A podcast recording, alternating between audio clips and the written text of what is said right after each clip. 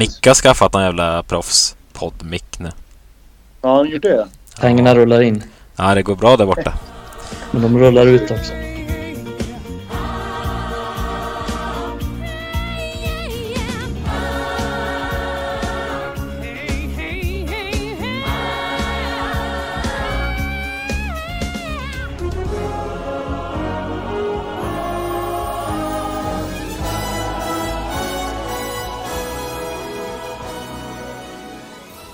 Varmt välkomna ska ni vara till ett nytt avsnitt av Red Army Sverige-podden. Avsnitt 101. Vi kommer ut på andra sidan. Eh, ja, vad vi nu gjorde i avsnitt 100. Mikael, du är med mig idag igen. Har du nyktrat till sen sist? Eh, det har jag. Det var några tunga dagar där efteråt. Det kan, det kan jag säga. Men nu är jag på banan igen. Ja. Även, om, även om jag inte riktigt är det eftersom vi, vi spelar in ganska tidigt på morgonen. Ja, På måndag. Så att jag är lite trött nu, nu också. ja. Det känns som att vi har blivit stora när vi sitter en måndag morgon och spelar in.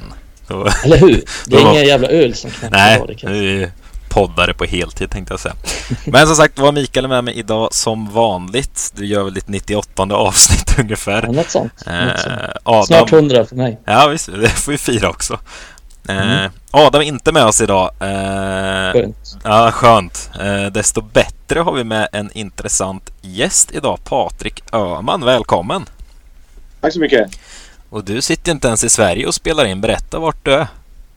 Eh, ja, jag sitter eh, strax utanför London i England. Där jag, eh, där jag bor.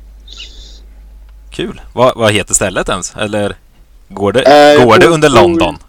Ja, eh, vi skulle kunna säga att um, Stratford i, i, i, vad blir det då? Eh, väst, eh, östra, östra London.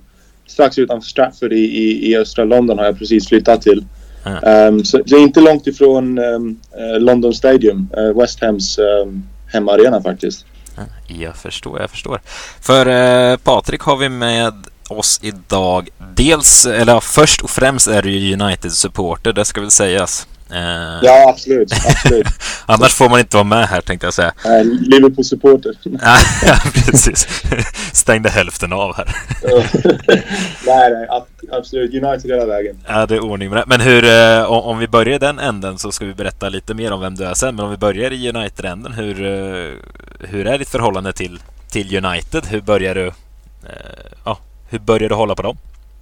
Ja, nej, men det, det, det började väl när man var liksom... ehm, ja, men vid, vid tioårsåldern där så började man fatta ordentligt. Jag menar, men när man var mindre liksom...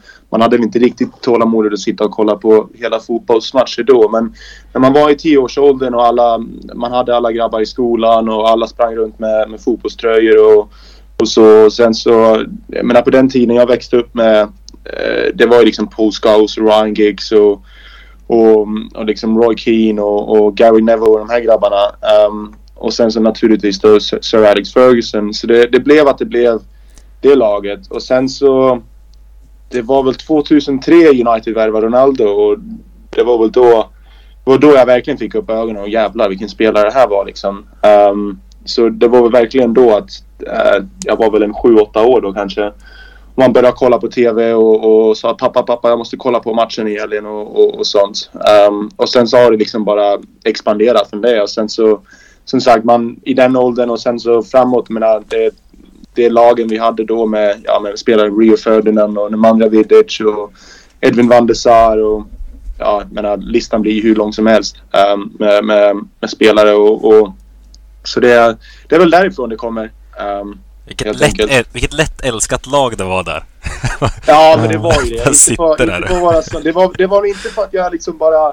Eh, ja, men de var bäst då. Utan det, det var liksom... Jag, jag gillade verkligen att, att, att, att kolla på. Den, den fotbollen de spelade. ehm, och jag gjorde ganska mycket research redan då liksom på när jag bara, bara var liksom 10-12 år. Liksom, ja, men, vem, är, vem är Sir Alex Ferguson? Liksom, vad, vad, och liksom, ja, men, grunden till klubben och, och och sen naturligtvis alla spelare som kom fram och sen kom ju Wayne Rooney och, och de hade ju liksom...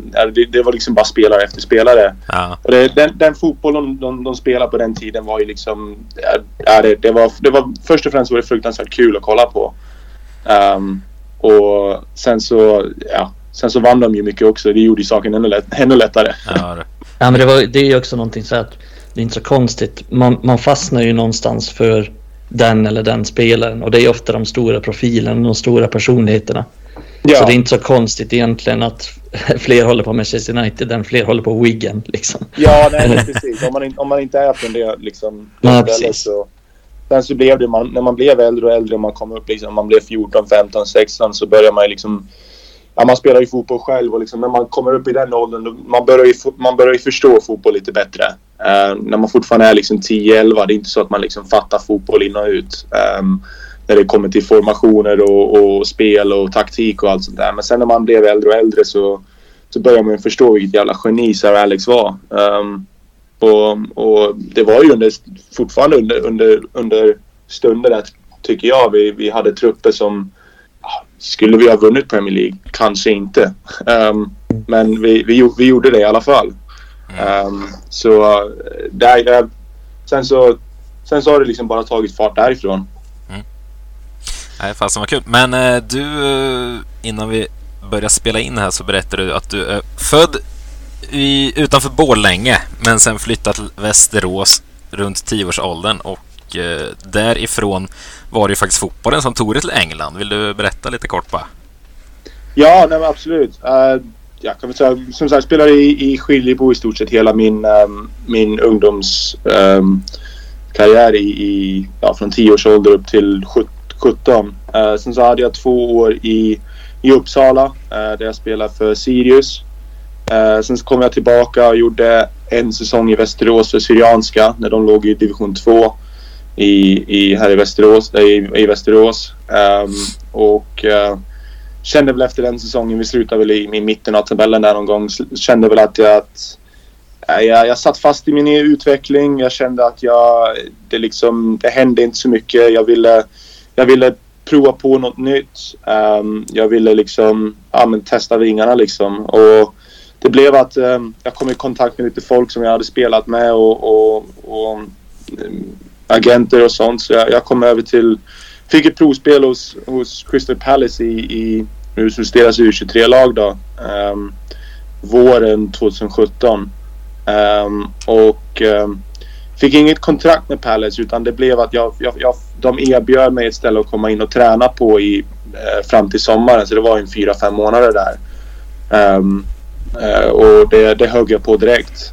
Um, och sen så har de hjälpt mig de hjälpte mig under den tiden att um, ja, men, komma in och träna och um, fixa, fixa klubbar jag kunde gå och spela hos. Då. Och sen så kom sommaren där och då, då blev det ingenting. Um, så då, jag bestämde mig helt enkelt att man fan, jag har varit här borta i tre, fyra månader nu. Liksom, jag har varit hos en Premier League-klubb. Okej, okay, jag fick ingen kontrakt, men det är hos en Premier League-klubb. Ska jag, ska jag liksom packa väskorna och åka hem efter tre, fyra månader? Nej, så det, fin det finns inte en chans. Så jag, jag eh, kom i kontakt med, med en snubbe som fick in mig i West Ham. Um, så sen, sen sommaren ja, 2017 så har jag, har jag i stort sett tränat fulltime då uh, med, um, med West Hams U23-lag och en hel del med deras A-lag också. Uh, och sen så spelat på sidan av det då med, med, med klubbar i, i någon League som det heter där borta. Um, och försökt liksom bara, bara bygga min, min karriär och liksom ta, ta mig uppåt till, um, till proffsfotbollen på det, på det sättet. Mm. Ja, det är annorlunda mot uh, en annans som mer klassiska fotboll, fotbollsbakgrund som en av alla. Du också Mikael, man kämpar på och trodde man skulle bli proffs när man var 14, sen slutade nej, i någon... Nej, det trodde jag aldrig. Någon, nej, okej då. Man hoppades i alla fall, sen slutade man i någon division i Sverige. Men äh, ja, kul att, ta den chansen och åka över. Vi ska komma in ja, ännu mer West på... West Hams U23 går ju väldigt bra också. Den här säsongen. Ja, de är, de är starka. Ja. ja, eh, de var i andra divisionen innan där för en, två säsonger sedan. Men den säsongen ligger de i toppen. Ja, jo precis ingen klår Mikael i kunskap om ungdomslagen, bara så du vet Patrik, så du bara ge upp redan nu. Jag tror han vet ja. mer om West Hams U23 än vad du gör, fast du är där. Ja, det tror Det har varit lite brutalt. Men vi ska prata ännu mer om Patriks eh, bravader och du har ju faktiskt delat plan med en hel del gamla United-profiler och så vidare. Det ska vi gå in lite mer på sen. Sa, vi, sa du ens att du är målvakt? Vet jag inte. Ja, ja men det... Nej, jag vet inte, det, det kanske gjorde. Men målvakt är Patrik i alla fall för er som undrar vad det är för någon lirare vi sitter och pratar med. Eh, men vi tänker att vi kör på med avsnittet i alla fall och pratar om eh, Uniteds insatser. Då pratar vi Manchester United såklart och inte West Ham United. eh, en välbehövlig seger tog vi med 3-0 borta mot eh, Tottenham i helgen. Vad, alltså vad, vad, tänker ni efter matchen? Det känns, jag och många med mig har ju helt och hållet fastnat i att Ole bytte till en 3-5-2 uppställning. Vad, ja, Mikael, du, vi har ju pratat väldigt mycket på den här kring ja, men kring uppställningen att han liksom har låst sig lite vid sin 4-2-3-1 fast det sett bedrövligt ut. Vad, vad tänker du? Var ett genidrag av honom att gå över i, i 3-5-2 eller? Ja, alltså genidrag är genidrag. Eh, det får man väl inte säga. Som jag ser det så gick han tillbaks till grunderna bara. Eh, han ville inte förlora och då ställde han upp med en ganska defensiv 3-5-2 uppställning. Eh, där han har tre mittbackar, sen två ganska defensiva innermittfältare och sen hade han ju hans wingbacks. Alltså ofta när man spelar med wingbacks då har man ju kanske nä, nä, nästan mer av yttermittfältare där. Men han spelar ju verkligen med, med Shaw och Van Bissaka som båda har sina styrkor i defensiven. Så att som jag ser det gick han tillbaks till... Han, han ville inte förlora. Det var det. Så han spelade i princip med sju defensiva spelare och det gjorde han för att jag tror att han var rädd för att förlora igen och han ville liksom se till att det inte hände. Att laget inte släppte till så mycket som han gjort innan. Så jag tror att det var därför han gjorde det. Ja. Och det får man ju säga att det gjorde han ju rätt i. Eftersom det blev en 3-0-seger. Mm. Men vad, vad, tänker ni? Alltså, nu har de ja, hade vi förlorat mot Spurs hade det ju antagligen Solskär fått gå. Eh, av eh, ja, vad man läser i alla fall känns det som. Eh, men nu känns det som att man har räddat sig lite tid och även om man skulle förlora mot City, ja, kanske blir 5-0 mot City som mot, mot eh, Liverpool så kanske man han får gå och sen beroende på Atalanta-matchen här också i veckan. Men, men, men, låt säga att Ole blir kvar här nu, nu eh, ja, åtminstone närmsta tiden framöver. Alltså, tror ni att man kan fortsätta med, med 3-5-2? Eh, är det det här vi ska eh, pumpa på med då eller är det var det hängsten och livrem liksom den här matchen och sen går man tillbaka till något annat? Vad, vad tror ni? Nej, men om jag, jag, jag får väl... Eh, menar, jag tror att den här 3-5-2 uppställningen som de har, som du sa, det blir, de, de var lite mer defensiva. Van Besaka är väl inte jättestarkt och, och han är väl inte jätteoffensiv offensiv av sig. Luke Shaw tycker jag ändå så att han har kvaliteter att gå framåt. Um, han har bra bra inlägg och, och, och, han, kan, han kan skapa ganska mycket ute på sin vänsterkant. Sen så eh, det är väl en av de få formationerna, jag menar, man kan ju alltid spela en 4-4-2 men eh, jag tyckte det var väldigt intressant att se både Cavani och Ronaldo tillsammans uppe på topp. Um, folk har väl gett dem mycket, ja men fan de är, de är 70, 70 bast tillsammans liksom. men jag menar det är, om, om inte för att vara liksom bara United-supporter men det är väl två världens bästa anfallare inne i boxen. Men deras rör, rörelseschema och hur, hur man agerar av bollen och, och, och, och så inne i, inne i straffområdet är ju... Alltså det är, det är väl inte många spelare som, som gör som dem. Och sen så Cavani, han är ju drivjärn. Det är liksom, han, mm. det är ju, han springer och springer och kämpar som, som, ja, som aldrig förr. Som um, om han vore 20. ja, jo men precis. Nej, men så är det. Um, och jag gillar Cavani starkt, det gör jag verkligen. Jag tycker han har varit fruktansvärt bra sen, sen han kom till United. Um, och sen så Ronaldo, menar, ah, han behöver ju han behöver ju knappt en målchans för att göra mål. Sen så, jag tycker det blir, ibland så blir det lite orättvist mot Ronaldo för att det blir ju liksom att ja men varför gjorde inte han mål? Han har inte gjort tillräckligt. Men ett, man kan inte lasta allting på han. Uh, men när det gäller den här 3-5-2, jag tycker eh, det, det, kan, det var som, som Micke sa, det, det han gjorde det nog för att det skulle vara mer defensivt. Um, Shaw och Wan-Bissaka hade inte... De, det var inte så att de liksom bombade upp och ner på, på sina kanter.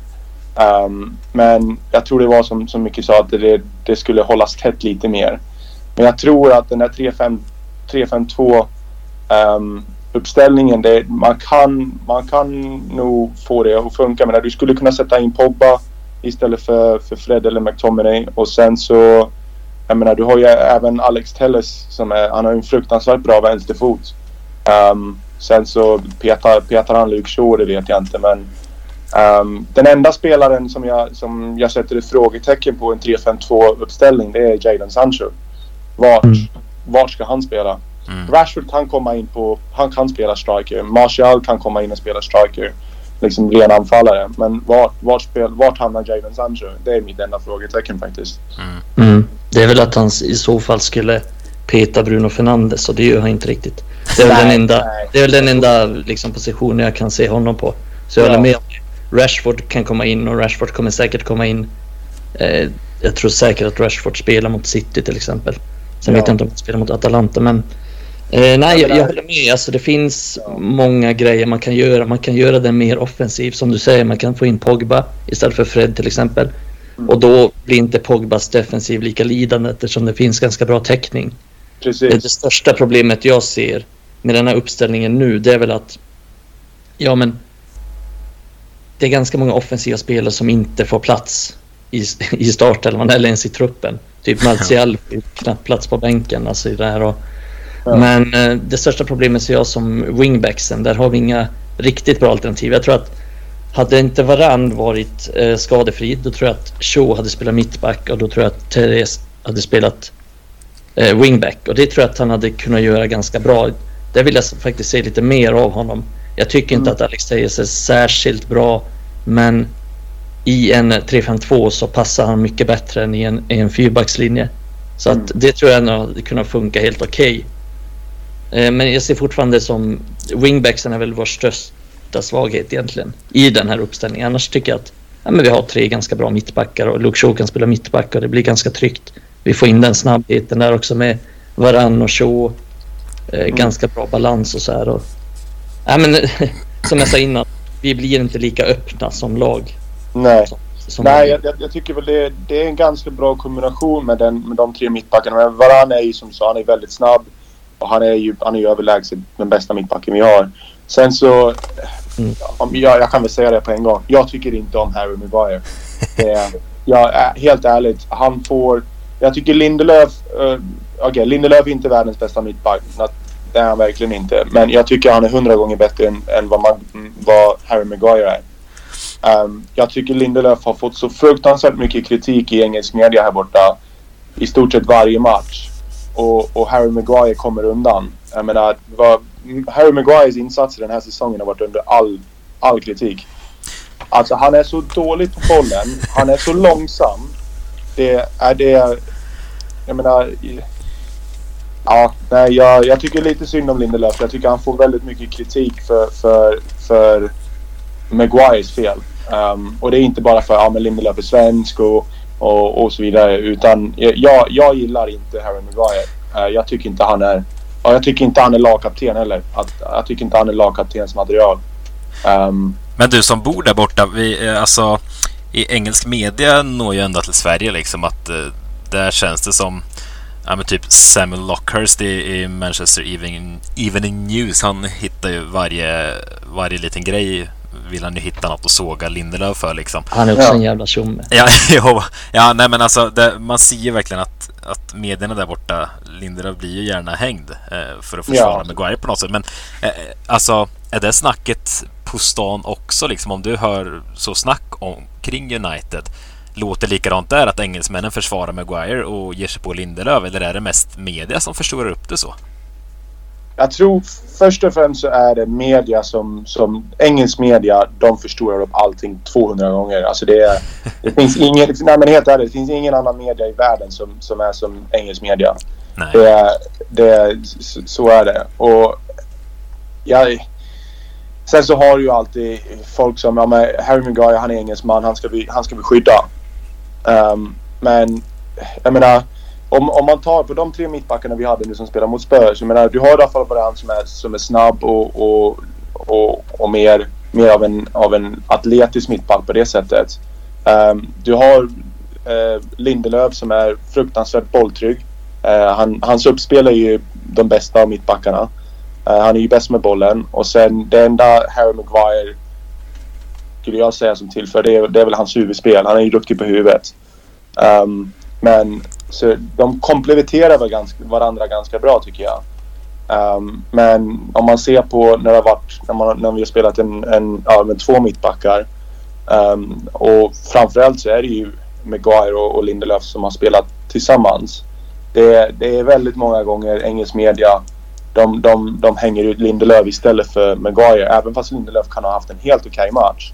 Och Maguire kan ha varit klappkass. Så är det, så är det Lindelöf som får, han får kritiken. Och det, det, är, det håller jag inte med om. Nej. Jag tycker i, alltså, så här, i 3-5-2 så tycker jag egentligen att Lindelöf är bättre än Maguire. Mm. För att han är mer rörlig och lite smartare i sitt spel och så här. Mm. Eh, men i en fyrbackslinje som det har sett ut, då är Maguires huvudspel alldeles för viktigt för att liksom bänka honom. Tänk om man spelar Lindelöf och Bajy till exempel, då blir vi alldeles för sårbara i boxen. Ja, men, men spelar vi med trebackslinje, då tycker jag att typ Varan, Shaw, Lindelöf, det är en jävligt bra kombo. För de får, ja men dels får vi liksom tre mittbackar och alla de tre är ganska starka i, i huvudspelet ändå. Plus att man får liksom den, den här tryggheten bakåt och det här de får mer hjälp från mittfältet och jo. plus att man har wingbacks också som är ganska defensivt trygga som van Bissaka till exempel. Ja. Nu tror jag att aldrig, jag tror aldrig Ole skulle sätta Harry Maguire på bänken. Det, tyvärr så det tror jag aldrig eftersom han är lagkapten också. Men jag, jag, jag, tror det som, det som eh, ligger i Lindelöfs fall i, i, mitt, i, i mitt tycke det är att han är, han är lite för, för, för klen um, fysiskt. Han mm. hänger inte med fysiskt. För du har ju i många spelare, jag menar, när det väl, när det väl går snabbt eller det väl blir fysiska dueller så det är väl där han, jag tycker att han inte riktigt håller, håller, håller, håller den kvaliteten. Men sen när det kommer till rent spelskicklighet och lä läsa spelet och, och, och, och, med bollen så tycker jag absolut han är vår bästa mittback. Det har vi varit inne på många gånger i podden Micke att, att Lindelöf är ju ofta bättre mot när man möter till exempel City än när man möter Burnley. För mot Burnley så blir han ja. helt mosad av eh, ja. Wood och Barnes. Han, klar, han, klarar inte, han klarar inte av den precis. Nej, precis. Men, Kommer du ihåg när vi spelade, mm, bara ett litet sidospår innan ja, jag hör att du går vidare här. Jag älskar Nej, sidospår. när vi mötte PSG till exempel eh, borta, eh, mm. då, vi, då vi vann, då spelade du med trebackslinje och då var ju Maguire skadad tror jag. Det var Swansebe som gick in ja, då, precis. Precis, då spelade vi Jag tror att det var Swansebe, Lindelöf och Shaw kan det ha varit. Mm. Eh, som trebackslinjen. Och i de matcherna så passar de tre extremt bra. För att det är de tre som kan hantera spelare som Neymar, eh, Mbappé bäst. Alltså sätt Mbappé mot Maguire, då är vi körda. Ja, ja, men ja. sätter man Mbappé mot typ Tuansebe, mot Lindelöf, mot Shaw. Ja, men då har vi en en ganska bra chans för att de är, de är mycket bättre i en mot en och de är lite smartare, alltså mer benägna att inte riktigt gå bort sig som Maguire kan göra ibland. Så det, det, är också lite så här, vilka möter vi? Vilka passar bäst i den konstellationen och sådär. Så att just i den matchen så, så saknade vi inte Maguire. Men spelar vi mot Burnley hemma, ja men då, då kommer vi sakna Maguire om inte han spelar för att han är, som du sa också, han är bäst i, i luftspelet. Ja, jo men så är det. Sen, eh, alltså Lindelöf, just bara för att avsluta det här. Eh, alltså Lindelöf i en trebackslinje. Han, han har ju en benägenhet att falla väldigt mycket. Kommer, om jag säger Mbappé, kommer han i fart mot Lindelöf. Lindelöf faller ju och faller och faller och faller. Många har ju problem med det att han faller för djupt tycker många och liksom aldrig går på. Jag gillar ju det här med Lindelöf. Jag var precis likadan själv när jag spelade gärdsgårdsfotboll. Alltså fall, fall, fall och sen får man understöd och i en trebackslinje eller ja, fembackslinje vad man nu vill betecknar det som. Det där får han ju hjälp. Då faller han och faller. Mm. Till slut är ju Varan i fatt då eftersom han liksom ja, han stoppar upp anfallaren. Eller Van Bissaka mm. hinner komma. Någon hinner komma. Så det, alltså, Lindelöfs spelstil är perfekt. Skillnad från Maguire kör ju gärna en stötbrytning eller liknande och det är ju livsfarligt ja, i alla väder tänkte jag säga. Ja, det är 50-50 i stort sett. Ja, precis. Så det, ja. Men eh, fortsätta med det här lite uppställningsspel. Vi fick in en fråga faktiskt från, eh, från Adams pappa, Adam som brukar vara med i podden. Eh, vad är hans pappa heter? Jag har glömt Micke. Nu skäms jag. Jag vet inte. Ah, vet ju det här. Han har ju varit med någon gång förr och skickat fråga. Nu skäms jag. ber om ursäkt till Adams pappa som lyssnar på det här. Men han, eh, han frågade i alla fall, eller det var både påstående och fråga kan vi säga, men han pratade om det här att eh, kan United bli tryggare med 3-5-2 eller 3-4-2-1 lite beroende på hur man leker med siffrorna där med uppställningen eh, och, och, rotera med rätt spelartyper mot aktuella motståndare. Då menar han mer offensiva spelare mot lag där vi bör vara spelförande och så vidare. Eh, vi, vi, var inne på det lite här att man kan till exempel plocka in Pogba istället för Fred för att få offensivare mittfält. Osoviel Telles på vänsterkanten till exempel. Men tänker ni att den formationen funkar mot sådana lag eller ska man istället eh, Alltså ska man ha en helt annan uppställning eller funkar uppställningen men med offensivare spelare? Vad tror ni om det? Jag tror att vi får jag tror att vi får det ganska svårt mot lag som backar hem. Alltså lite svårare faktiskt. Men jag tror att det funkar väldigt bra i, i lite svåra matcher, alltså lite större matcher. Ta, vi möter City i helgen. Då tror jag att 3-5-2 är den rätta vägen att gå. Jag tror att 3-5-2 kan vara den rätta vägen att gå mot Atalanta också. Men jag tror inte att det är optimalt mot Burnley hemma. eh, oavsett. ja, jävla Burnley. Men det beror också på vilken tränare man har. Eh, det finns ju lag som är framgångsrika med den uppställningen men i Uniteds fall så tänker jag att man inte riktigt har tränat så mycket på det. Alltså den stora anledningen som jag sa innan det är att, att man använde det mot Tottenham det var för att man ville gå tillbaks till grunderna och hitta en defensiv trygghet snarare än att man ville hitta offensiva lösningar. Utan det var ju defensiven som var i fokus. Så jag tror att har man ett uttänkt spelsätt med, det, med 3-5-2, ja men då kan det säkert funka. Men i Uniteds fall så tror jag att man har för många bra offensiva spelare som måste få spela. Man har en trupp byggd för 4-2-3. Köpte för fan Jadon Sancho för nästan en miljard bara i somras. Alltså. Ja. Han får ingen plats i det här. Liksom så, nej, jag tror inte att det är framtiden för United. Det tror jag inte, men, men i enstaka matcher så, så ja. kommer det funka bra. Ja, men jag tror också det. Det är som du sa, enstaka matcher. Men med, med en trupp som vi har nu. Men för, för några år sedan så tycker jag personligen att vårt problem är att vi har, vi har haft en hyfsat stark startelva. Men vi har inte haft någonting på bänken. Nu så, nu så har vi ju en trupp. Fan, det det, som vi sa, det sitter ju spelare på bänken som, som kostar fan, flera, flera hundra miljoner pund. Um, eller hundra miljoner kro, svenska kronor liksom. Och, och jag tycker att med en sån trupp vi har nu så ska vi kunna, beroende på vad vi möter för motstånd, är det hemma, är det borta, så ska man kunna spela olika formationer med olika spelare och det ska funka. Um, man ska kunna spela en 3-5-2 som är defensiv. Man ska kunna spela en 3-5-2 som är väldigt offensiv. Och sen en, en, en, en 4-3-3 eller en 4-2-3-1 som, som vi har spelat. Då. Med, och med tanke på, för det kommer alltid vara skador, det kommer alltid vara avstängningar och, och spelare som är ur form. Och, eller spelare som får liksom, de, de kommer in i en, en fruktansvärt bra stim och bara liksom gör mål på allting. Så det, jag tycker att eh, med, med den truppen vi har nu så ska man kunna spela Eh, och liksom utnyttja alla spelare på olika positioner och, och eller i olika, i olika system. Um, och som du sa också, Micke sa, men Jadon Sancho, han ska inte sitta på bänken. Okej, okay, han har inte startat bra. Det har han inte gjort. Men det är liksom en, det är en, en, spelare vi ska kunna bygga någonting runt. Men det är en spelare som förhoppningsvis kan vara United i fem, sex, sju år. I, i, mitt, i, mitt, I mitt tycke. Minst. Jag skulle vilja ha honom i tio år. Mm. Um, och det, jag vet att det är en stor omställning att komma till. Visserligen nu är ju Bundesliga, den är väldigt snabb och fysisk också. Men det finns ingen liga i hela världen som är så snabb och, och, och så som, som Premier League.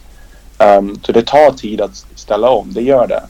Men det, nej, jag, jag, tycker att med, med den truppen vi har så ska vi kunna, beroende på vilken match och motstånd det är, så ska vi kunna, vi ska kunna spela på olika sätt, det tycker jag. Mm. Alltså jag gillar ju, jag är verkligen förespråkar för trebackslinjen i grund och botten. Men som ni är inne på, alltså den här truppen är ju byggd för något helt annat och Solskär har ju varit en del i det här truppbygget så det är det som är så skevt också. Eh, alltså man hade förstått, säg om man nu plockar in Conte till exempel som det har varit på på tapeten. nu, nu, jag tycker att folk fastnar lite väl mycket i att han är bara 3-5-2 inget annat typ. Men eh, han är ju det i grund och botten och, och, då förstår man ju om han kommer att ta över det här bygget nu. Då förstår man att det kan vara lite skev truppbalans för det är inte hans gubbar. Men som sagt, mm. Solskjaer har varit med och byggt upp det här. Så det, det, ja, är det, det som är, han, ja, det är det som är så problematiskt. Att Ole inte har hittat ett spelsystem som funkar. För han har ju knappt roterat något i början nu heller. Som sagt, och Sancho har fått ett par chanser. Men det finns ju spel Lingard som liksom, han har levererat varje gång han, han varit på planen i princip. Och eh, van de Beek som är på tapeten, han får inte vara med alls. Han har inte startat sedan maj eller vad det är i ligan. Och då var det en rotation som, som liksom var till... Alltså det... Ja, ni hör ju själva. Och sen finns det Greenwood och Rashford hamnar i kläm. Eh, mm. Eller ja, som sagt, båda de kan ju spela forwards men...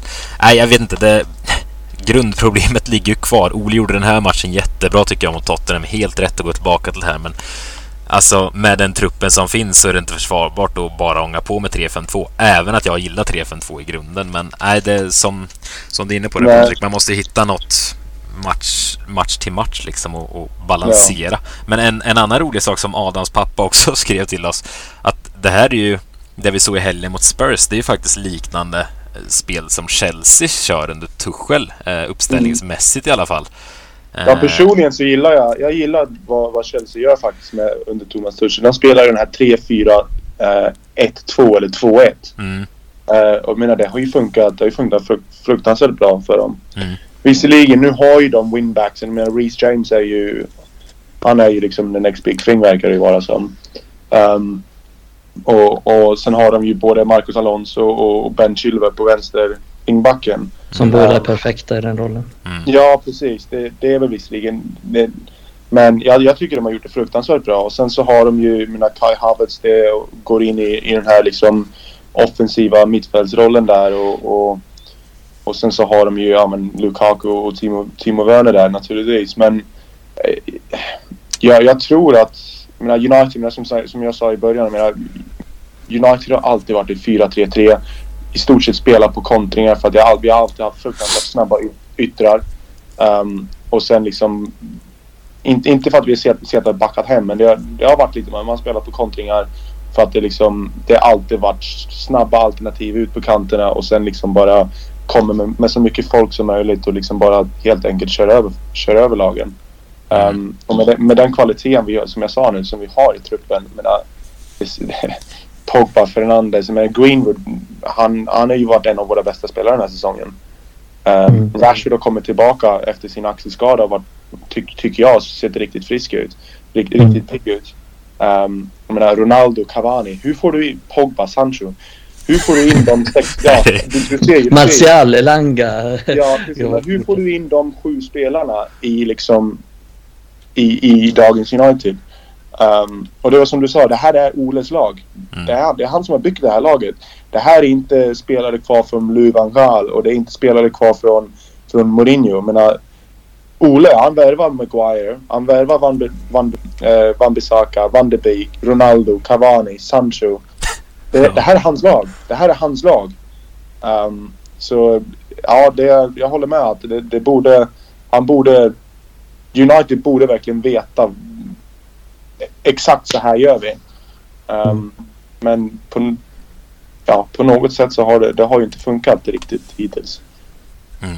Nej, och det är väl det som är lite grundproblemet i Manchester United i stort. Att man, man har inte riktigt tagit in någon, någon hel linje. Liksom så här, man har inga tydliga linjer, man har ingen röd tråd man följer. Så här, ja, men, som du säger, helt plötsligt så värvar man alla de här offensiva spelarna. Sen bara, nej nu går det åt helvete, nu ska vi spela 3-5-2.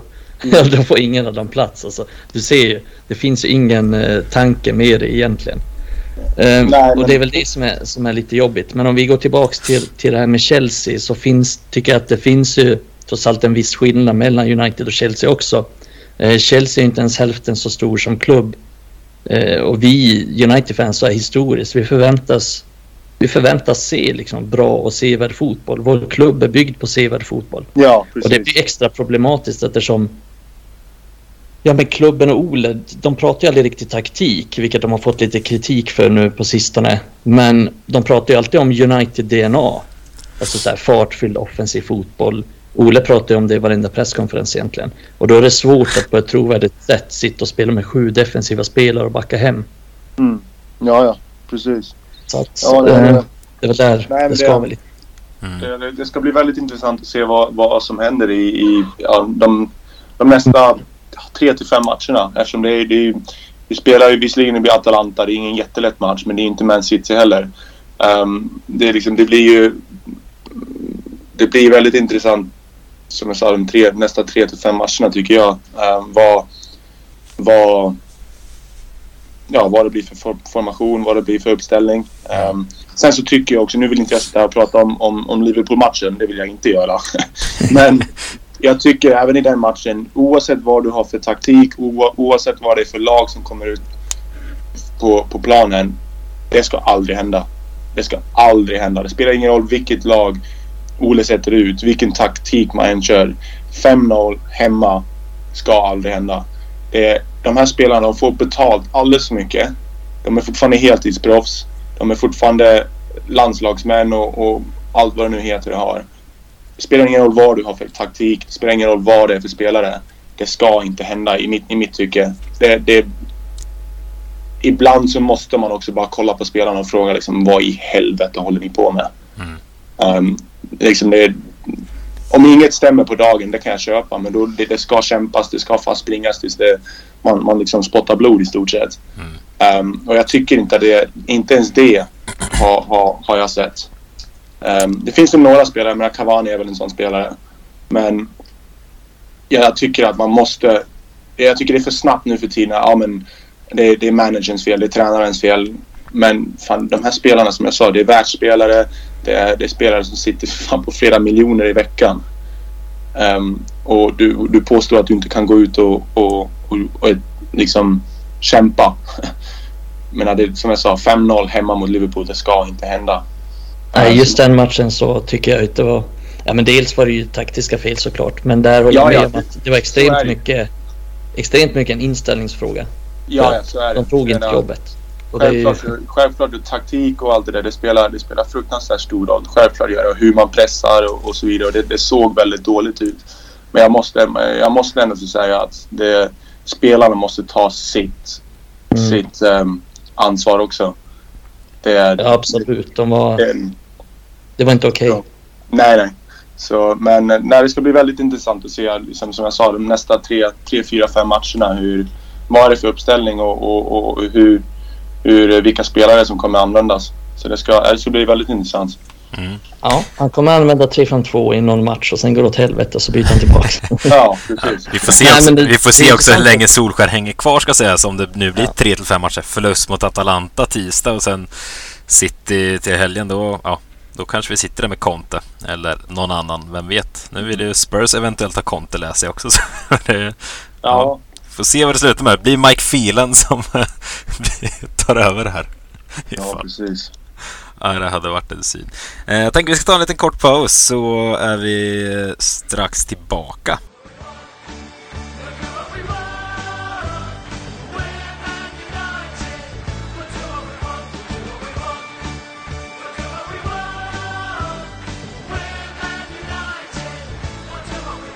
I can't help thinking about Van der Beek. Who's put the name on him? Who's sponsoring that at Manchester United, that 40 million quid that's been spent on that kid who sat in the stand and not kicked a football now for nearly two, well, I don't know, 18 months? Sancho, if he's not careful, he's going to end up exactly the same. So this is. Well, what does he have to do then, or is Sancho, it just, is it just that the the system doesn't have room. Well, he's played in some pretty appalling performances in the last few years. Not him, I mean team performances. He's come into a club that's looked completely disjointed in terms of their football. He's played in the far better team in unit at Dortmund. He's coming in and probably thinking, "What the hell am I in here? What is this?" There's no organisation, there's no structure, the defensive work rate is, is, poor. He's actually the only player, when you look at the defensive running stats of Manchester United's front players, that's got anywhere near. I think he's like fifth or sixth out of the top. You know, we looked at the top four uh, front players, top four clubs' front players. He was in the top 10. So he's had to put in the shift in. But he must be sat on that bench there thinking, what am I doing? Because now he's thinking, well, where do I play in that system? Because I don't see him in the three in midfield, and I don't see him probably in the two up front. Mm. So he's probably thinking, where does it, where, where, where's my career at Manchester United? And Van der Beek's thinking the same. So look, today's been a good day, but it does cause problems elsewhere. Ja, vi fick in en fråga från Twitter från eh, Jimmy Henriksson, en lyssnare eh, som taggade in oss faktiskt i en tråd där.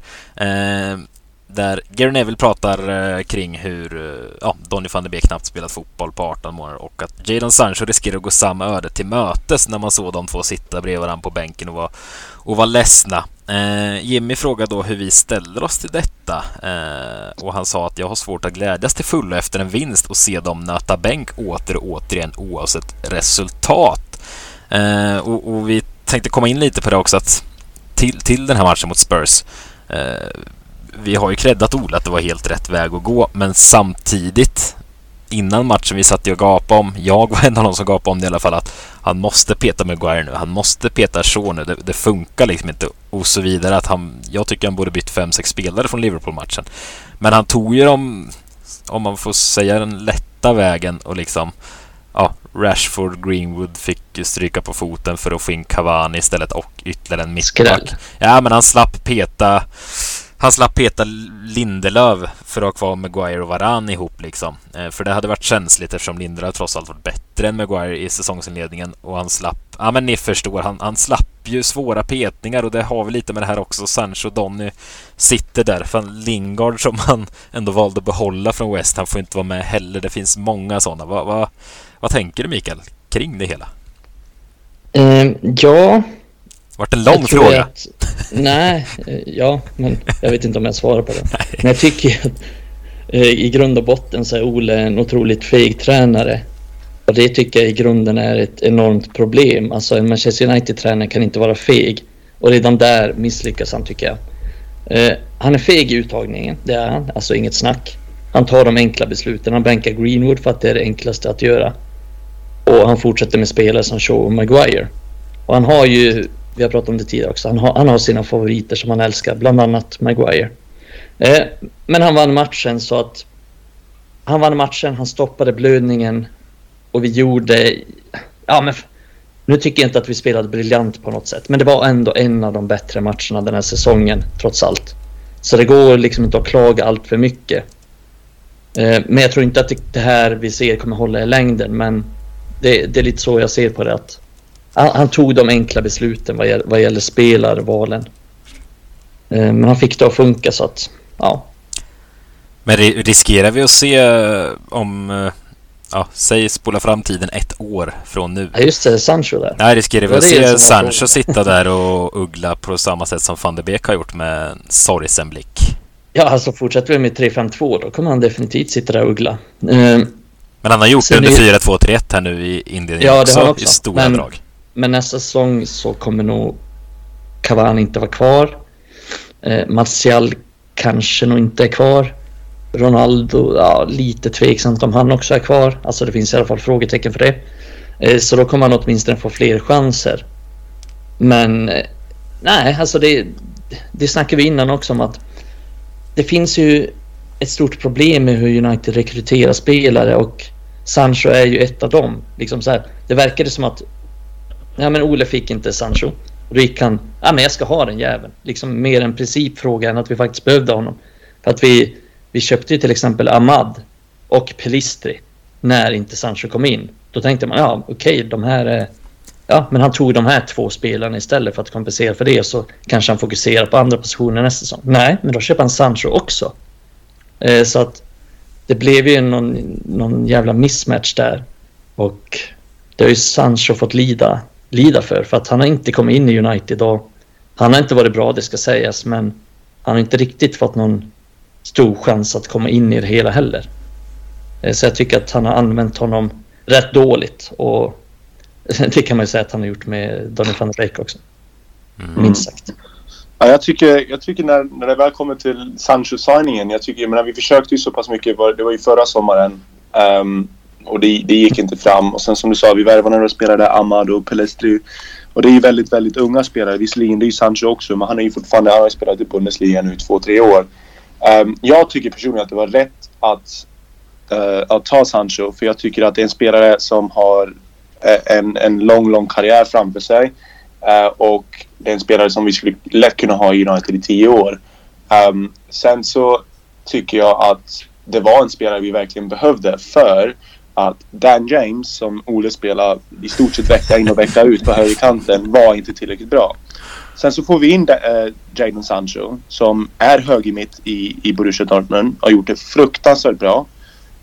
Um, och han får inte spela högermitt. högermitt. Han spelar mer vänster. Precis. Han har ju spelat, spelat mer vänster för, för nu. Och det är inte hans position. Um, och sen så, som jag sa lite förut med Sancho, det är väl, det är en stor, fortfarande en stor, väldigt stor um, uh, liksom skillnad att komma från Bundesliga till, till Premier League och sen så komma till en klubb som Manchester United också. Men det, det spelar ingen roll vilken klubb du kommer, kommer ifrån. Kommer du till Manchester United, du ska, du, du, du har liksom expectation som man säger att, att du ska vara 10 av 10 var, varje match. Um, och menar, funkar inte det så kritiken kommer väldigt snabbt.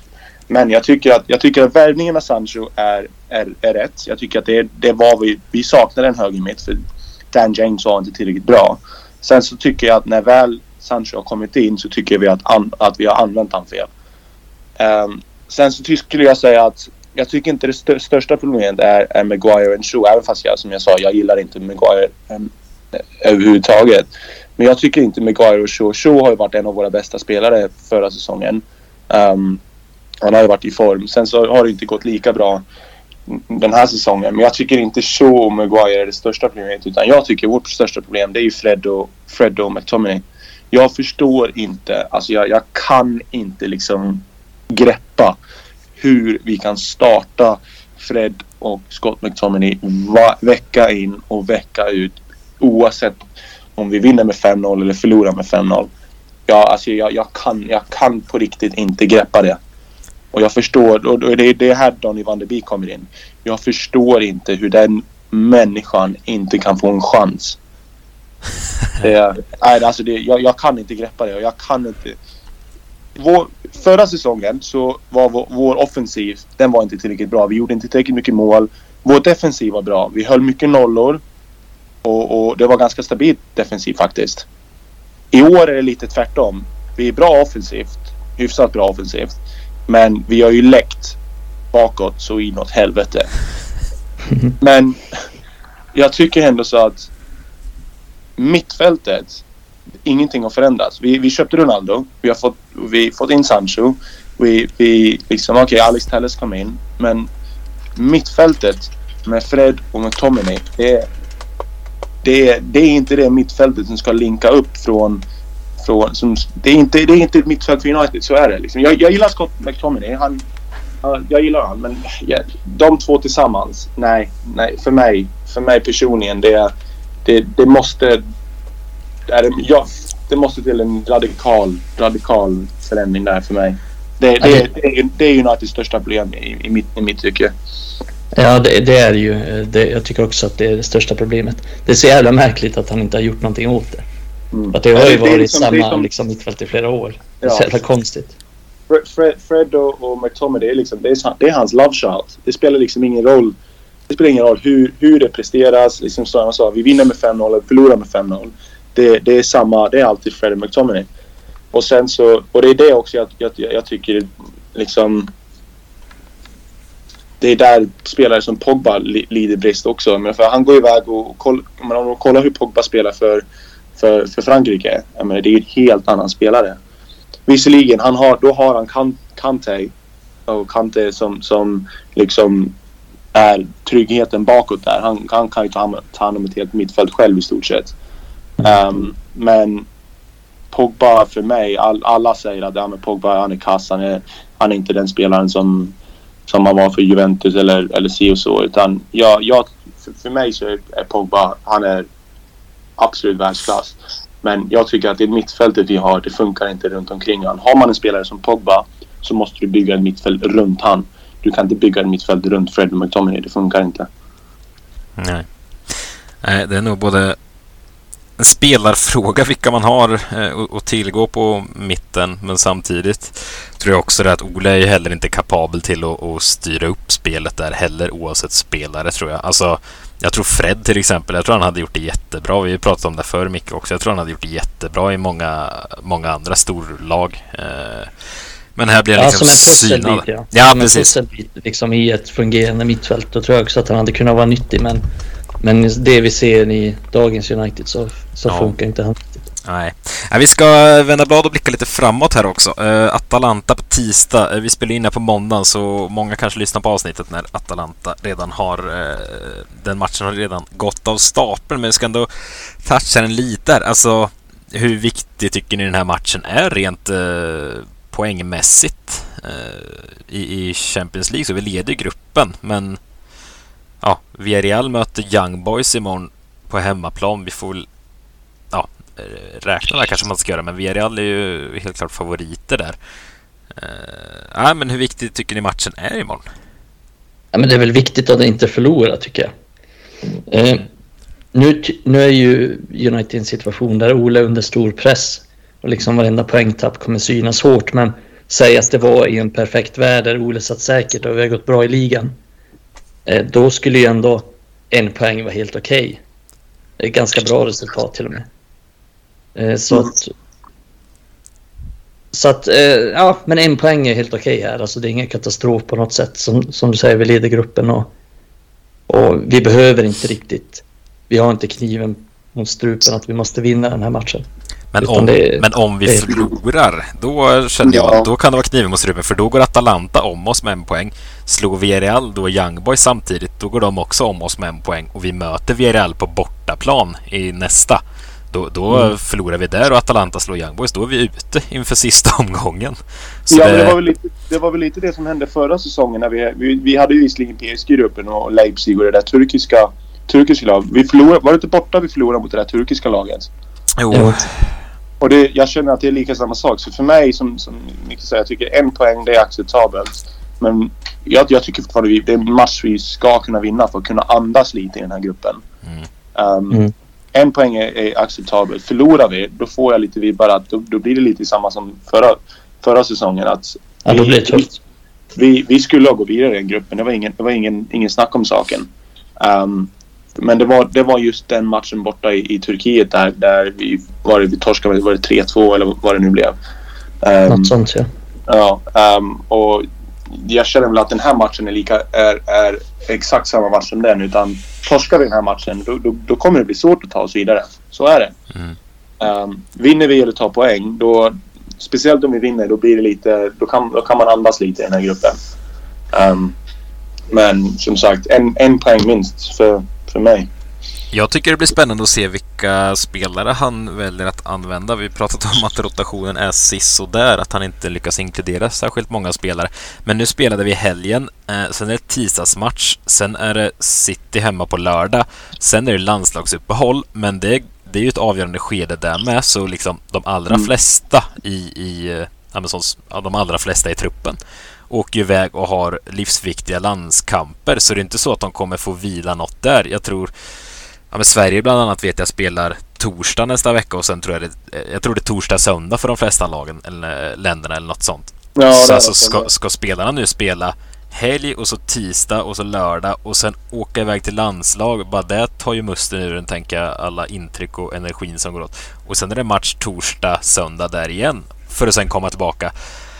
Alltså, det vi landar i är nog att jag, jag, tror inte det går att liksom tugga på med samma startelva och sen ska de åka och spela 180 minuter landslag, komma tillbaka och fortsätta spela. Alltså, han måste hitta någon form av, av rotation. Vi har ju sett förra säsongen, alltså både, både Maguire och, och Bruno spelade ju ja, vi brukar raljera om det i podden. Vill de spela så får de spela. Men lite så känns det som. Men jag vet inte, det, det är tätt Eh, tätt om matcherna nu och det är resor eh, nu till Italien och sen komma hem, spela mot City och det är Liverpool som sagt var vi mötte förra helgen och, och det var en energikrävande match, hög anspänning mot Tottenham. Alltså, jag bara ser framför mig hur spelarna kraschar ihop fullständigt. Det går en baksida på Luke Shaw och Ja men nej, jag vet inte. Jag är lite oroad för... för jag tror, men vad, vad ska han tror, göra då? Jag vet. Liksom, han, må, han måste ju han har inte råd att förlora matcher. Nej, men han har ju satt sig själv i den sitsen. som han är trygga med och som han...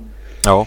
Som, som han känner ger honom resultat. Det var mm. det han gjorde. Det var exakt det han gjorde mot Tottenham. Han gick tillbaks till det han är trygg med. Att vi får en trygg defensiv och då spelar han de spelarna han litar på. Ja. Och det är det han kommer göra. Han kommer göra samma sak här. Jag tror att han kanske bänkar Cavani och sätter in typ Rashford.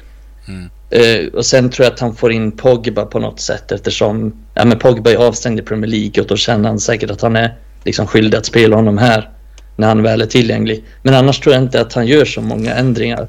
Nej, det tror inte jag heller och jag säger inte att det är fel heller egentligen. Men eh, det jag tror är att man kommer få lida om eh, ett par veckor efter landslagsuppehållet där när alla lirat väldigt intensiva och oerhört viktiga och krävande matcher hela tiden. Och så har det tuggats på med samma. Sitter Sancho, van de Beek och Lingard och gänget där och är fräscha men får inte vara med. Jag vet inte, jag bara känner någon form av oro i magen inför att eh, spelarna körs slut på lite här. Men eh, ja. Nej, det, det jag, jag såg... Jag, det är lite, för det är väl det, novembers, novembers matcher är, är svåra också. Men vi, det är Atalanta nu, det är City och sen så är det ju Watford borta, absolut. Sen så är det ju Villarreal-matchen borta som kommer vara avgörande för Champions League-gruppen. Mm. Och sen eh, matchen efter det, det är Chelsea borta.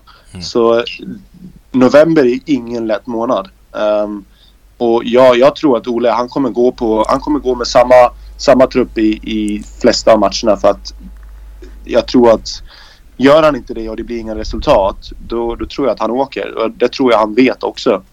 Mm. Um, precis. Han måste rädda sitt jobb. Precis. Så jag tror att det här med landslagssamlingarna uh, och sånt, det är bara liksom...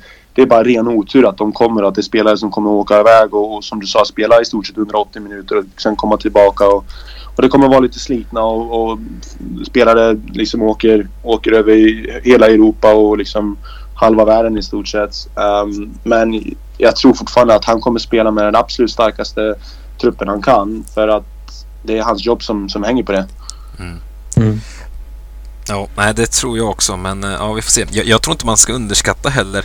Alltså det är skillnad att spela 90 minuter och 90 minuter om du förstår vad jag menar. Alltså möta, vad ska vi ta, Burnley är så uttjatat exempel och det är ju nog ont att möta Burnley. Men alltså, säg möta Newcastle, spela 90 minuter mot att möta Liverpool, möta Tottenham med kniven mot strupen, åka till Italien, möta Atalanta, möta City. Alltså det är en helt annan... Man är helt utpumpad på ett annat sätt tror jag efter 90 minuter mot ett sånt lag mot eh, ett gärdsgårdsgäng liksom. Eh, så jag tror ja, inte man ska underskatta att spelschemat är så, så tillspetsat nu och sen som sagt var landskamperna där, eh, ja, liksom bara gå till Sverige som är de jag har koll på liksom vilka vi möter. Det är, det är ju livsviktiga avgörande matcher mot Georgien och Spanien som Lindelöf ska vara med i till exempel. Nej, jag vet inte. Det... Nej, nej, jag håller fullständigt med. Anspänningen kan ta död på spelarna känns det som. Men eh, vi ska inte fastna alldeles för länge där. Eh, City har vi ju sen på lördag som sagt var. Eh, vi ska inte gå in alldeles för mycket där heller, där vi pratar om att 3-5-2 känns som eh, den kommer användas. Men... Eh, ja, vi har vunnit två matcher mot dem med just 3-5-2. Mm. Precis. Ja, Ole har väl faktiskt, han har väl faktiskt övertaget på Pep tror jag också när det kommer, mm. när det kommer till matcher. Det är otroligt um, egentligen. ja, faktiskt. Ja det. Um, ja, det blir intressant att se där eh, hur den matchen utspelas. För precis som du säger, han har haft ett litet övertag i känslan. Eh, och vunnit, vunnit flera matcher mot City också. Eh, mm. Både hemma och borta. Så att det finns någonting där. Och matchbilden brukar ju passa United ganska bra. Och jag tror att där kommer han slänga in lite snabbare spelare offensivt. Eh, om vi säger mot Tottenham så spelar vi Ronaldo och Cavani men ingen av dem är ju supersnabb liksom i omställningarna. Eh, så där tror jag att han vill få in Rashford.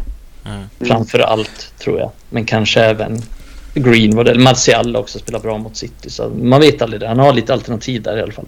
Vad tror ni händer förresten om... Eh, för alltså vi hade ju enorma problem mot Atalanta sist, Paul Trafford. Eh, innan vändningen kom. Vad, vad, tror ni händer om vi går på pumpen imorgon i, i Bergamo och Atalanta vinner? Säg 2-0 vinst för Atalanta. Får Ole gå då eller tror ni han hänger kvar till City ändå? Jag tror han hänger kvar till City. Det tror jag då. Om vi skulle, som du sa, om vi, om vi torskar mot Atalanta. Eh, sen så blir, då blir City-matchen helt avgörande. En till um, do or die-match för dem. Ja, blir City ja. också så åker han. Ja. Ja. Det tror jag blir intressant att se eh, vad som sker här. Spännande veckor framöver, minst sagt. Eh, men vi släpper United eh, rakt upp och ner här tänkte jag säga. Eh, rent hands-on. Eh, vi kommer... Ja, jag vet inte vad jag sa, men vi kommer toucha det i alla fall. Det jag ville få fram är att vi ska hitta United-kopplingar till Patriks eh, lilla målvaktskarriär här borta i England. För kan du inte bara berätta vad, vad du spelar nu? För du sa att du tränar ju fortfarande lite, lite med West Hams eh, U23. Eh, mm. Men eh, vart spelar du matcher just nu? Jag spelar i ett lag som heter Margate. Så de ligger nere vid kusten. Vid, inte långt ifrån Dover, vilket är kanalen över från England till Frankrike. det, det, är en liten kuststad som heter Margate. Så vi ligger fyra i tabellen just nu. Um, så vi har börjat, börjat serien ganska starkt det här året. Um, det var väl inte meningen att jag skulle, skulle spela i, i Margit den här säsongen. Jag åkte hem till Sverige efter, efter uh, uh, i, i maj, maj, juni i, i somras och förberedde mig för för försäsongsträning och sånt och uh, jag hade i stort sett ett kontrakt eller två kontrakt uppe i, uppe i Skottland faktiskt. Um, och ett av dem var i skotska Premier League. Uh, sen så för någon, av någon anledning så gick det i stöpet. Um, och sen så kom det ett annat lag och det var skotska Championship. Och där, där var allting klart. Det är alltså bokstavligen allting var klart. Um, uh, sen så så på no någon anledning så, så gick det i stöpet också. Och då satt jag där med i stort sett en vecka kvar, i, kvar till um, säsongen skulle börja utan klubb. Och så tänkte jag, men fan, jag, jag åker tillbaka och sen så, så kom Margate upp då, vilket är... Det är inte den nivån jag vill spela på, det är det inte. Men det är fortfarande en, en, det är fortfarande en bra nivå. Och gör man det bra i de ligorna så, så är det, det är mycket folk som kommer och kollar. Um, det är mycket Liga 1, League 2 och National League-lag som, som tar sina spelare från den här serien. Så mm, då tänker jag att ja, det, det, är det bästa jag kan göra av situationen just nu. Och sen så som sagt, vi har, vi har börjat serien ganska bra. Um, så som jag sa, jag tror vi ligger fyra, fyra just nu. Så slut, slutspel ska väl vara vår, vår ambition. Ja. Men vilken, vad sa vi, är det sjätte, sjätte ligan så att säga om man räknar uppifrån Premier League och neråt? Ja, men hur, eh, om man bara ska jämföra med svenska serier, vilken nivå skulle du säga att det är? Jag skulle säga, jag har sagt det, jag, jag pratade med lite andra folk som har ställt samma fråga. Jag skulle säga att vi skulle hålla oss kvar i division 1. Det är jag okay. ganska övertygad om. Ah. Vi, har, vi har spelare som kommit från Premier League-akademier eh, som har blivit släppta. Vi har spelare som har spelat i utomlands. Eh, vi har spelat spelare som är i League 1, League 2, skotska, Premier League. Uh, så det, det, är mycket, mycket blandning och spelare som har spelat i en eller två serier högre. Uh, också. Så det, det, det, är mycket blandning av, av, av spelare. Uh, så det, finns mycket kvalitet där. Och sen så som, som, som liksom det man använder. Folk tror ju att det är korpen för att man spelar i, i division 6 här borta. Men det, det är det verkligen inte. Det är, det är fruktansvärt hög nivå. Eh, och det var, det var som jag sa, jag, jag spelade med en spelare förra, förra säsongen, eller för två säsonger sedan. Jag spelade i ett lag som heter Carl Schulten. Han fick, en, han fick en flytt till Northampton som låg i Liga 1. Och Aha. gick in och gjorde, gjorde mål i, i sin debut. Um, så jag menar, Liga 1 är liksom ingen dålig, ingen dålig serie. Um, så de här, de här serierna och även folk som tror att Liga 1 och Liga 2 är skräp. Det är, jag, jag kan glatt konstatera att det är fruktansvärt hög nivå. Mm. Mm. Um, jag, jag var och kollade um, FC United en gång. Jag tror att de var i sjunde högsta eller någonting sånt då. Ja. Tyckte de var jävligt bra. Och de har ju också så här, ja, men flera till exempel som har spelat ungdomsfotboll i Manchester United och som ja. folk trodde skulle bli liksom riktigt bra spelare. Det är så ja. en spelare som spelare. Så att jag tyckte det, det höll väldigt hög klass. Och, och vad jag har sett liksom av de lägre serierna och sådär jag följer ju Uniteds utlånade spelare så här och Uniteds ungdomsspelare så här väldigt mycket och väldigt nära och någon gång har ju United haft eh, utlånade spelare till lag i, liksom utanför ligasystemet. Och då har jag ju sett mycket highlights och försökt följa de matcherna så här. Mm. Eh, nej, det är väldigt, väldigt bra nivå, hög nivå och högt tempo. Så att mm. det, det, jag förstår, det är en bra utmaning för, för alla. Ja, ja. Och sen så en grej som, som är ju den, den största skillnaden. Det är, vi spelar ju nästan över 60 matcher på en säsong. Mm. Jag menar, när jag spelar hemma i division 2 och division 1 och när jag var i Sirius och sånt. En, en säsong hemma i Sverige är 30 matcher. Ja. Så, precis, max. Jag, precis. Jag, jag gör alltså mer än två säsonger på en säsong. Fasen vad um, kul ändå, tänker jag. Det, men vi, vi, spel, vi spelar i stort sett varje lördag, tisdag, lördag, tisdag i, liksom från augusti till, till maj. Ja. Um, menar, går, går, du långt i, de här, i vissa av de här kupperna, du har en bra FI Cup run, FI Trophy och sen så kommer de här liksom eh, eh, andra kupperna som är i ditt distrikt och sånt. Men går du långt, har, har, du, går, går du hyfsat långt i varje dag? Du spelar alltså närmare än, närmare än 70 matcher på en säsong. Det kan du göra. Du har, du har minst 42 matcher på, på um, um, i, i serien. Eh, du har en, en 10 matcher på försäsongen. Um, och sen så är det ja, runt en, ja, en 15 matcher på om 15 matcher i kuppen i, i alla kupper om du, har, om du går hyfsat, hyfs, hyfsat långt. Så jag menar, som sagt, mellan 60 och 70 matcher kan vissa lagen spela. Så det, är, det går inte riktigt att jämföra på det sättet. Nej. Nej, Nej fasen vad kul. Men eh, du, jag har läst, eh, jag läste att eh, när du växte upp i Västerås så delade du faktiskt plan med en nuvarande United-svensk, nämligen Victor Lindelöf, ett tag. Eh, om jag har förstått det hela rätt. Men såg man redan då att han eh, skulle kunna bli landslagskapten? Ja, alltså jag gick ju på Viksängsskolan i Västerås i, på högstadiet. Han är ju, Lindelöf är född 94 så han är ett år äldre än mig. Um, han, um, vi spelade ju i VSK då. Um, och så fick han ju sitt genombrott där när han gick upp i A-laget när han var en, han var väl bara en 15, 16, 17. Um, och när de gick upp till Superettan den säsongen. Um, sen så var vi, gick jag till, eh, började gymnasiet på Videnska i, i Västerås. Um, det var ett fotbollsgymnasium.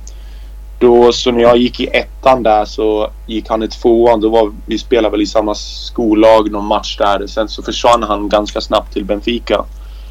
Och, eller vi delade skol, Om vi spelade i samma skollag på högstadiet eller något sånt. Um, sen så jag tror han tränade med honom några gånger på, på, eh, på um, när vi gick på fotbollsgymnasiet. Um, sen så försvann han till Benfica.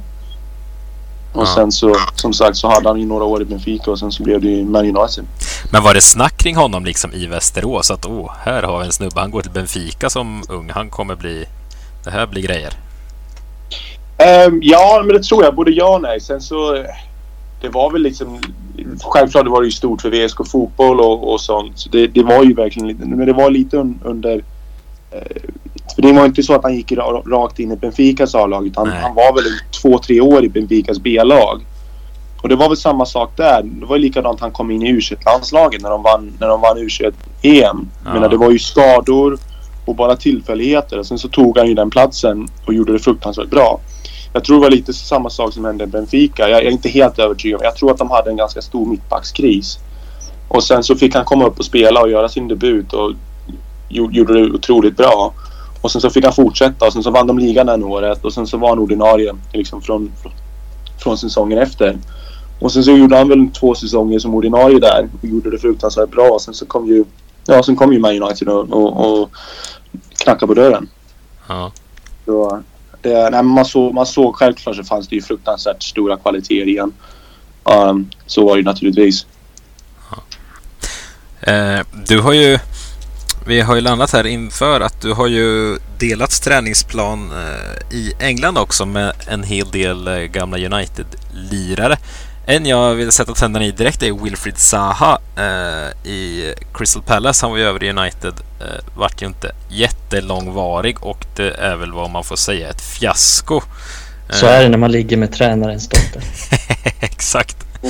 Men eh, jag vet Mikael, du, du funderade funderade över frågan där eh, om Patrik har någon idé om varför Eh, du som sett Zaha på nära håll, varför lyckades han inte i United? För han gör det ju trots allt bra i Crystal Palace, även om han inte dominerar Premier League fullständigt så gör han det fortfarande bra och har alltid gjort det bra i Palace. Varför, varför gick det inte i United för honom? Uh, först och främst så tror jag att det är svårt att dominera i ett lag som Palace. Det spelar ingen roll vilken... Du skulle kunna sätta Ronaldo i Palace. Jag tror inte han skulle ha samma, samma målproduktion som, han, som United. Um, men uh, jag tror att han var, han var för ung på den tiden. Han var alldeles för ung och det var liksom, det var Moyes stora signing. Eller, eller, nej, det var, det var Sir Alex sista signing, var det inte det? Jo, jag tror att det var Sir Alex som, som köpte honom ja. Ja, det var Sir Alex som köpte, så var det. Um, men det var liksom, det skulle bli en av Moyes liksom första spelare att ta, ta över och, och, och så. Och sen så, han var ju väldigt ung och, och inte oprövad men jag vet inte riktigt. Jag, menar, jag, jag, tror att han var för ung och för omogen. Sen så... Jag, det kändes väl som att han fick några chanser där i början och då gick det inte riktigt. Och sen så, så blev det ingenting efter det. det var liksom, han fick egentligen aldrig en andra chans tycker jag. Mm. Um, och sen så, så blev det ju här med, med, med Mojs dotter och, och allt det Det är så sjukt um, alltså. Och det, det, det, tror jag väl inte riktigt gör, gör saken bättre. Det blir en fin övergång till Evra. Ja, jo, precis. Som eh, Evra sa i, han sa väl live i Sky Sports, typ att Zaha var med Mois dotter eller någonting ja. Um, men sen så, jag, jag tror att skulle du stoppa Zaha i ett Arsenal eller ett Tottenham eller i ett Everton eller något sånt. Så tror jag att han skulle, han, han skulle, då skulle han dominera ännu mer. Um, och jag, jag, tycker han har varit, han, han är ju han är en tongivande spelare i Palace, det är han ju. Och han är ju deras största hot, hot tillsammans med Benteke framåt. Det är han ju. Um, sen så Sen så har han ju, han har ju öppet gått ut och sagt att han vill, han vill ju ha en flytt uh, flera gånger här. Förra sommaren och sommaren innan det och sommaren innan det. Um, sen så har det inte blivit av för han. Um, men uh, jag, jag, tror att han, skulle han få någon flytt här till nästa sommar eller någonting. Uh, för han är ju, vad är han nu, 28, 29 något sånt. Mm. Um, så, så tror jag att han är ju liksom i, i sitt peak nu. Så tror jag att han skulle kunna gå in i, i, i ett... Kanske inte liksom i ett United eller ett City eller Liverpool. Men liksom i ett, i ett Spurs eller Arsenal eller ja, men liksom ett Leicester till exempel. Då tror jag att han skulle göra det riktigt bra. Verkligen. Det bara stinker Spurs om honom. hur, hur är han som person då? Äh, nej, jag, jag var hos Palace alldeles för lite. Jag tror jag, jag, tror jag tränade med honom en, en eller två gånger. Um, för varje gång, det var samma sak där. Jag fick träna med Palace A-lag när det var landslagssamlingar. Och då var han ju med landslaget under den tiden. Um, men... Um, ja, jag kan inte säga så mycket. Det är fruktansvärt. Jag har liksom aldrig haft några diskussioner och sånt där. Men han är fruktansvärt teknisk spelare. Fruktansvärt explosiv. Um, och liksom vill ju liksom utmana en mot en hela tiden.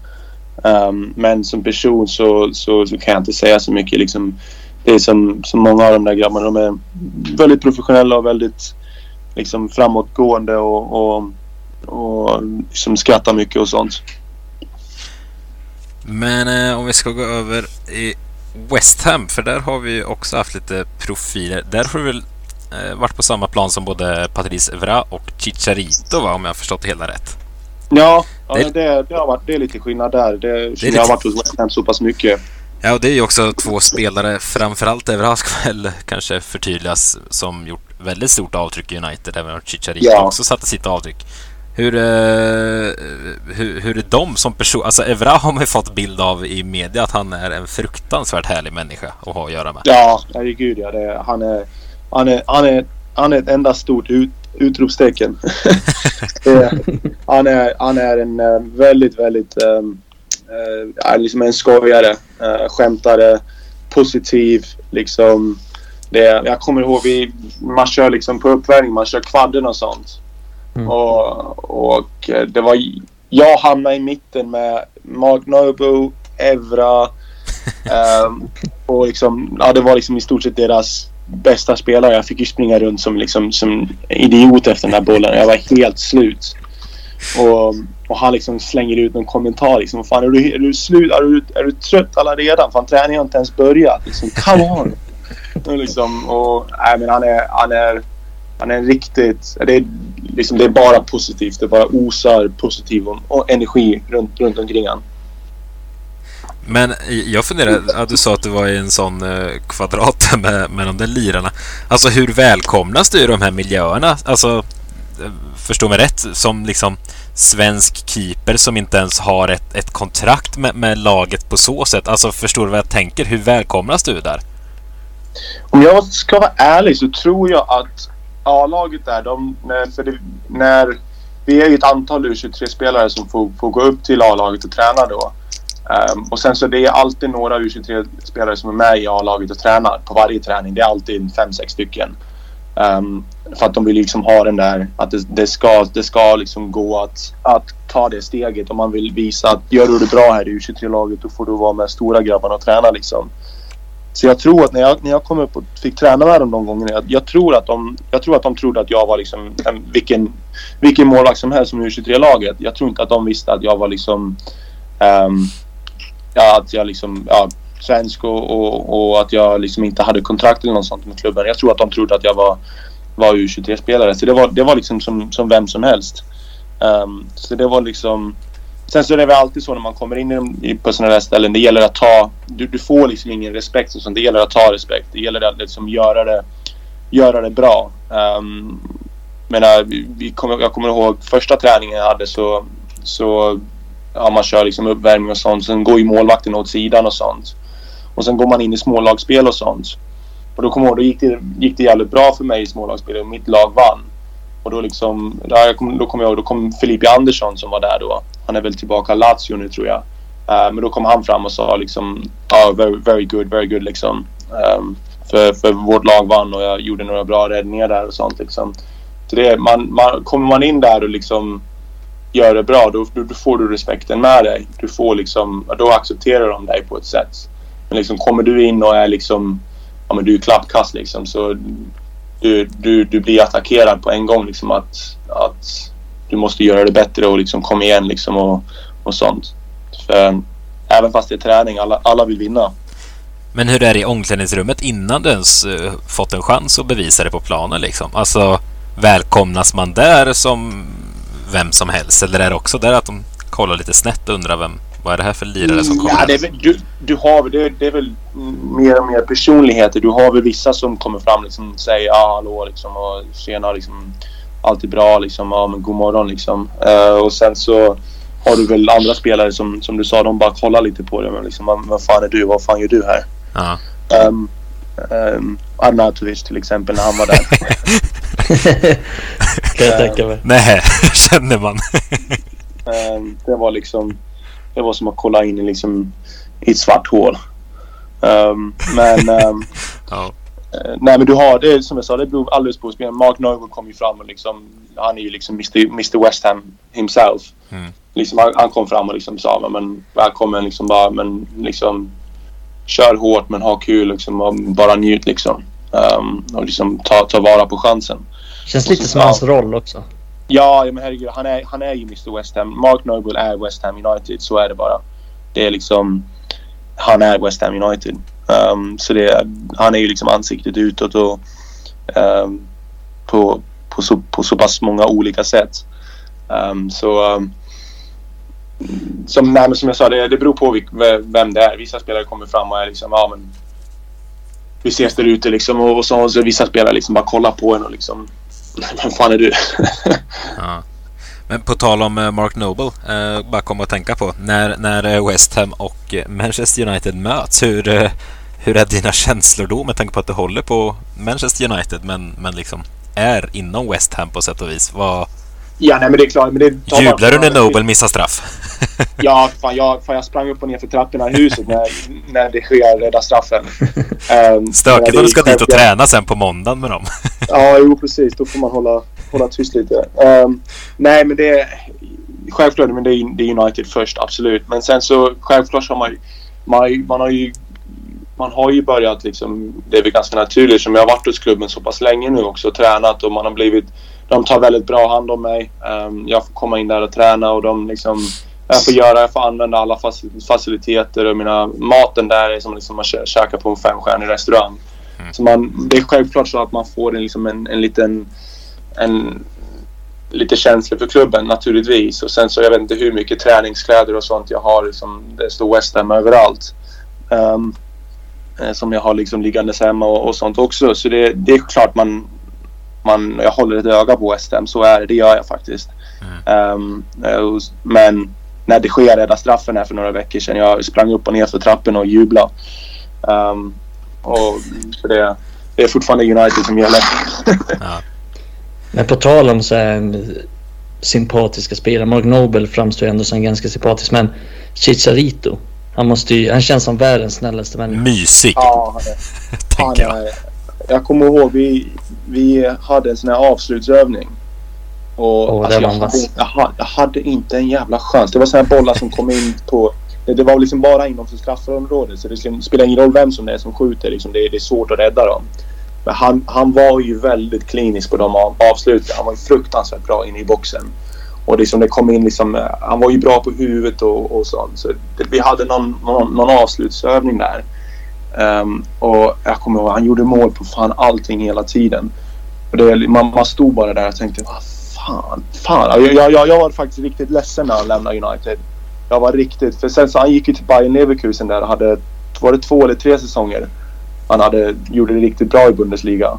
Och jag, jag var faktiskt riktigt ledsen att han gick från, från United för jag gillar honom skarpt. Mm. Um, så, och sen när jag väl fick se honom och liksom träna med honom på det sättet i verkligheten. Det, liksom, det, det hade inte spelat någon roll vilken du stoppade. Du hade kunnat stoppa Neuer i mål. Han, han, hade inte haft en, han hade inte kunnat rädda, det. Liksom. det var, äh, kvaliteten på den mannens avslut är, är i högsta, högsta kvalitet.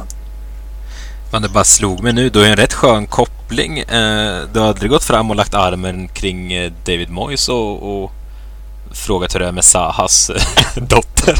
Eller förlåt, med Moyes dotter kring Saha där. Jag tänker du har ju ja. tränat, tränat med Saha och nu är Moyes där. Ja, Singel eller? Bra fråga om jag kan ta ut henne på en dejt. ja, exakt. Jag hörde från Saha att hon var rätt vettig. Kan man... Kan, kan vi träffa henne? det var, jag var ju mest de mesta gångerna jag varit hos, uppe hos A-laget i West Ham, det var när Pellegrini var tränare där. Okay. Um, och de, han hade en, en spansk målvaktstränare som var jävligt schysst också. Um, um, så det är väl mest han jag har hållit, hållit liksom kontakt med på det sättet när jag var där. Men man gick fram varje morgon och skakade hand med dem och liksom frågade om allting var bra och sånt. Uh, det gjorde man ju. men uh, nej, sen så det är, målvakten är ju lite enskilt eftersom vi jobbar ju väldigt mycket separat. Liksom. Vi får ju liksom en, allt från en halvtimme till över en timme i varje träning och liksom jobba med våra grejer. Mm. Vilken är den bästa målvakten du har tränat med då? Ja, men det, det blir nog Joe Hart. Mm. Um, när, när Känns väldigt var... kaxig. um, kan tänka mig att han är snäll på träningsplanen. Eller självsäker kanske ska säga. Liksom så här självsäker. Kanske inte ja. nödvändigtvis att han är kaxig, men att han är väldigt självsäker, tror på sig själv. Ja, men jag, jag tror som målvakt, du måste vara också det. Det är ett ganska... Det är en väldigt, väldigt speciell position. Så du måste ha en mentalitet och, och en liten speciell mentalitet som målvakt. Det, det, det tror jag. Um, men han var, han var liksom, han var hur, hur skön som helst och, och jag har lite bilder och sånt med honom och, och, och sånt. Så det, mm, det, han är, han är, han var det var inga som helst problem på det, på det sättet. Han gillar att ta en öl känns det som. Uh, nej, det vet jag faktiskt inte. Ja, men han och Dean Henderson känns ju väldigt lika också. Om vi går lite så här mer United-koppling. Dean Henderson är ju också väldigt självsäker och liksom ja. Känns som att det kan hända en skandal på krogen där kring dem. ja, jag undrar. Ja, mycket möjligt. Mycket möjligt. Din Henderson börjar slåss på krogen. Ja, ja men det kan man ju se. Kan man ja, ja, jag säger inte emot. Det gör jag inte. Lee Grant tror jag inte börjar slåss på krogen. För att tala Nej. annan, annan del av änden. Nej, men vad, vad, tycker du lite? Alltså det finns ju ändå en situation där mellan Dean Henderson och David de Gea. Vad är dina åsikter där? Du som eh. ändå liksom kanske studerar mer målvakternas teknik än vad vi gör kanske. Jag menar, när de Gea var i sitt livsform här för några säsonger, han vann ju Sir Matt, Matt Busbys Player of the Year. Var det, var det tre år i rad han vann det? Ja, han vann det. Um, räcker det tänkte jag säga. ja, precis. Uh, han har väl vunnit en gång till över det tror jag. Men under den tiden så han var ju överlägset världens bästa målvakt. Han var överlägset Uniteds bästa spelare. Han räddade oss när vi slutade femma, sexa där. Um, slutar vi femma, ja, eh, slutar vi femma, sexa där så uh, höll han ju oss kvar så att vi fick um, i sin ja, vi hade beslutat 7, 8, 9 om ens det. Oh. Um, oh. Sen så hade han väl en ganska bra formdipp där efter um, det var VM 2018 där. Um, och sen så har ju Dean Henderson kommit. Han var ute på lån på Sheffield. Sen har han kommit tillbaka och fått lite chanser där. Och sen så var det väl De Geas fru eller vad, de fick ju barn där så han var ju borta en 5-6 match och Dean Henderson kom in där och gjorde, gjorde det hyfsat bra tycker jag. Men sen efter det så tycker jag att då, ja, då, då har de Gea verkligen kommit tillbaka. Han har, det har liksom blivit att han har han har verkligen um, liksom, ja, men steppat upp igen. Och att det, har, det har ju blivit som att det, det finns det är ingen chans att, det, att Dean Henderson skulle spela framför honom nu. Och speciellt den här säsongen. Jag tycker han har varit, han har varit i i fruktansvärt bra form det här. Um, och, och, det var många som ville ha bort honom från klubben eller ville att Dean Henderson skulle spela. Speciellt här i England. Han, han gjorde misstag och misstag sånt hela tiden i stort sett. Men jag sa det, nej nej nej. För fan, kom ihåg vad han har gjort för oss. In, men sen så, det har ju bevisat sig vara, vara rätt beslut att, att, att köra på honom. för speciellt den här säsongen. Han har ju varit, han har ju varit briljant den här säsongen. Mm. Um, och, och jag tycker att han är fortfarande bara, vad är han? Är han 30, 31, 30 nu? Han är född 90 så han är 31. Ja, jag tror han fyller i november nu. Ja, så jag menar det. Du kan fortfarande få ut 5-6 år på honom enkelt.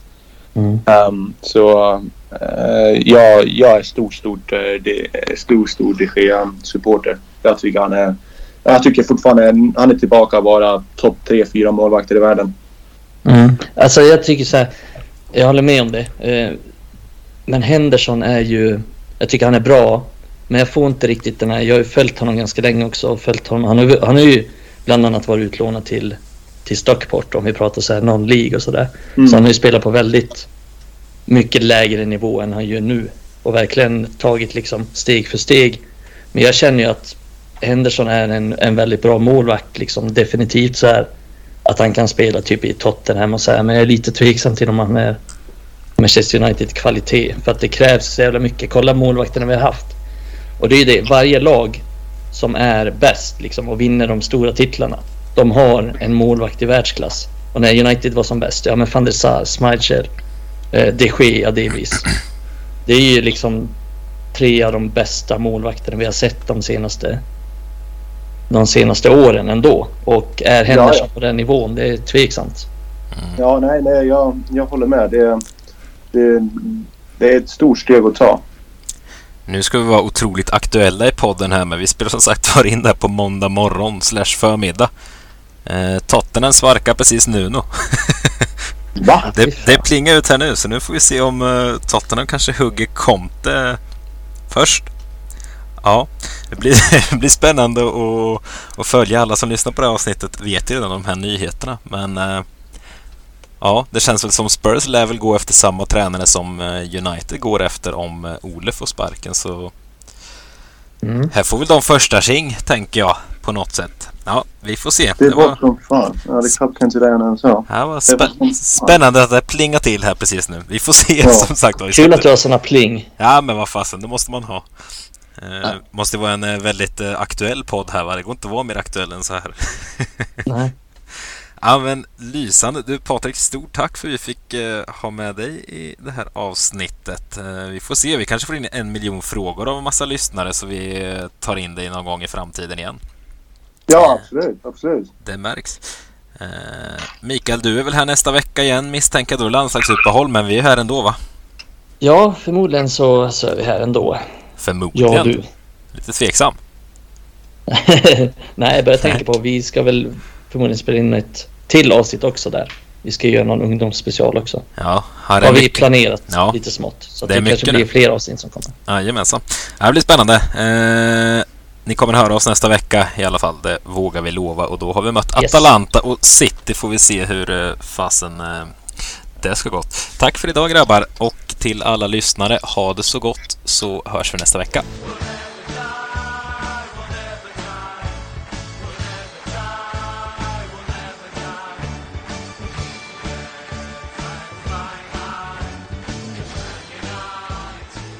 vi klipper aldrig bort grejer heller om det händer konstiga saker avsnittet. Om det inte blir för urspårat, men... om, det, om det inte är olagliga saker. Nej, exakt. Nej, exakt. Spåra något satan.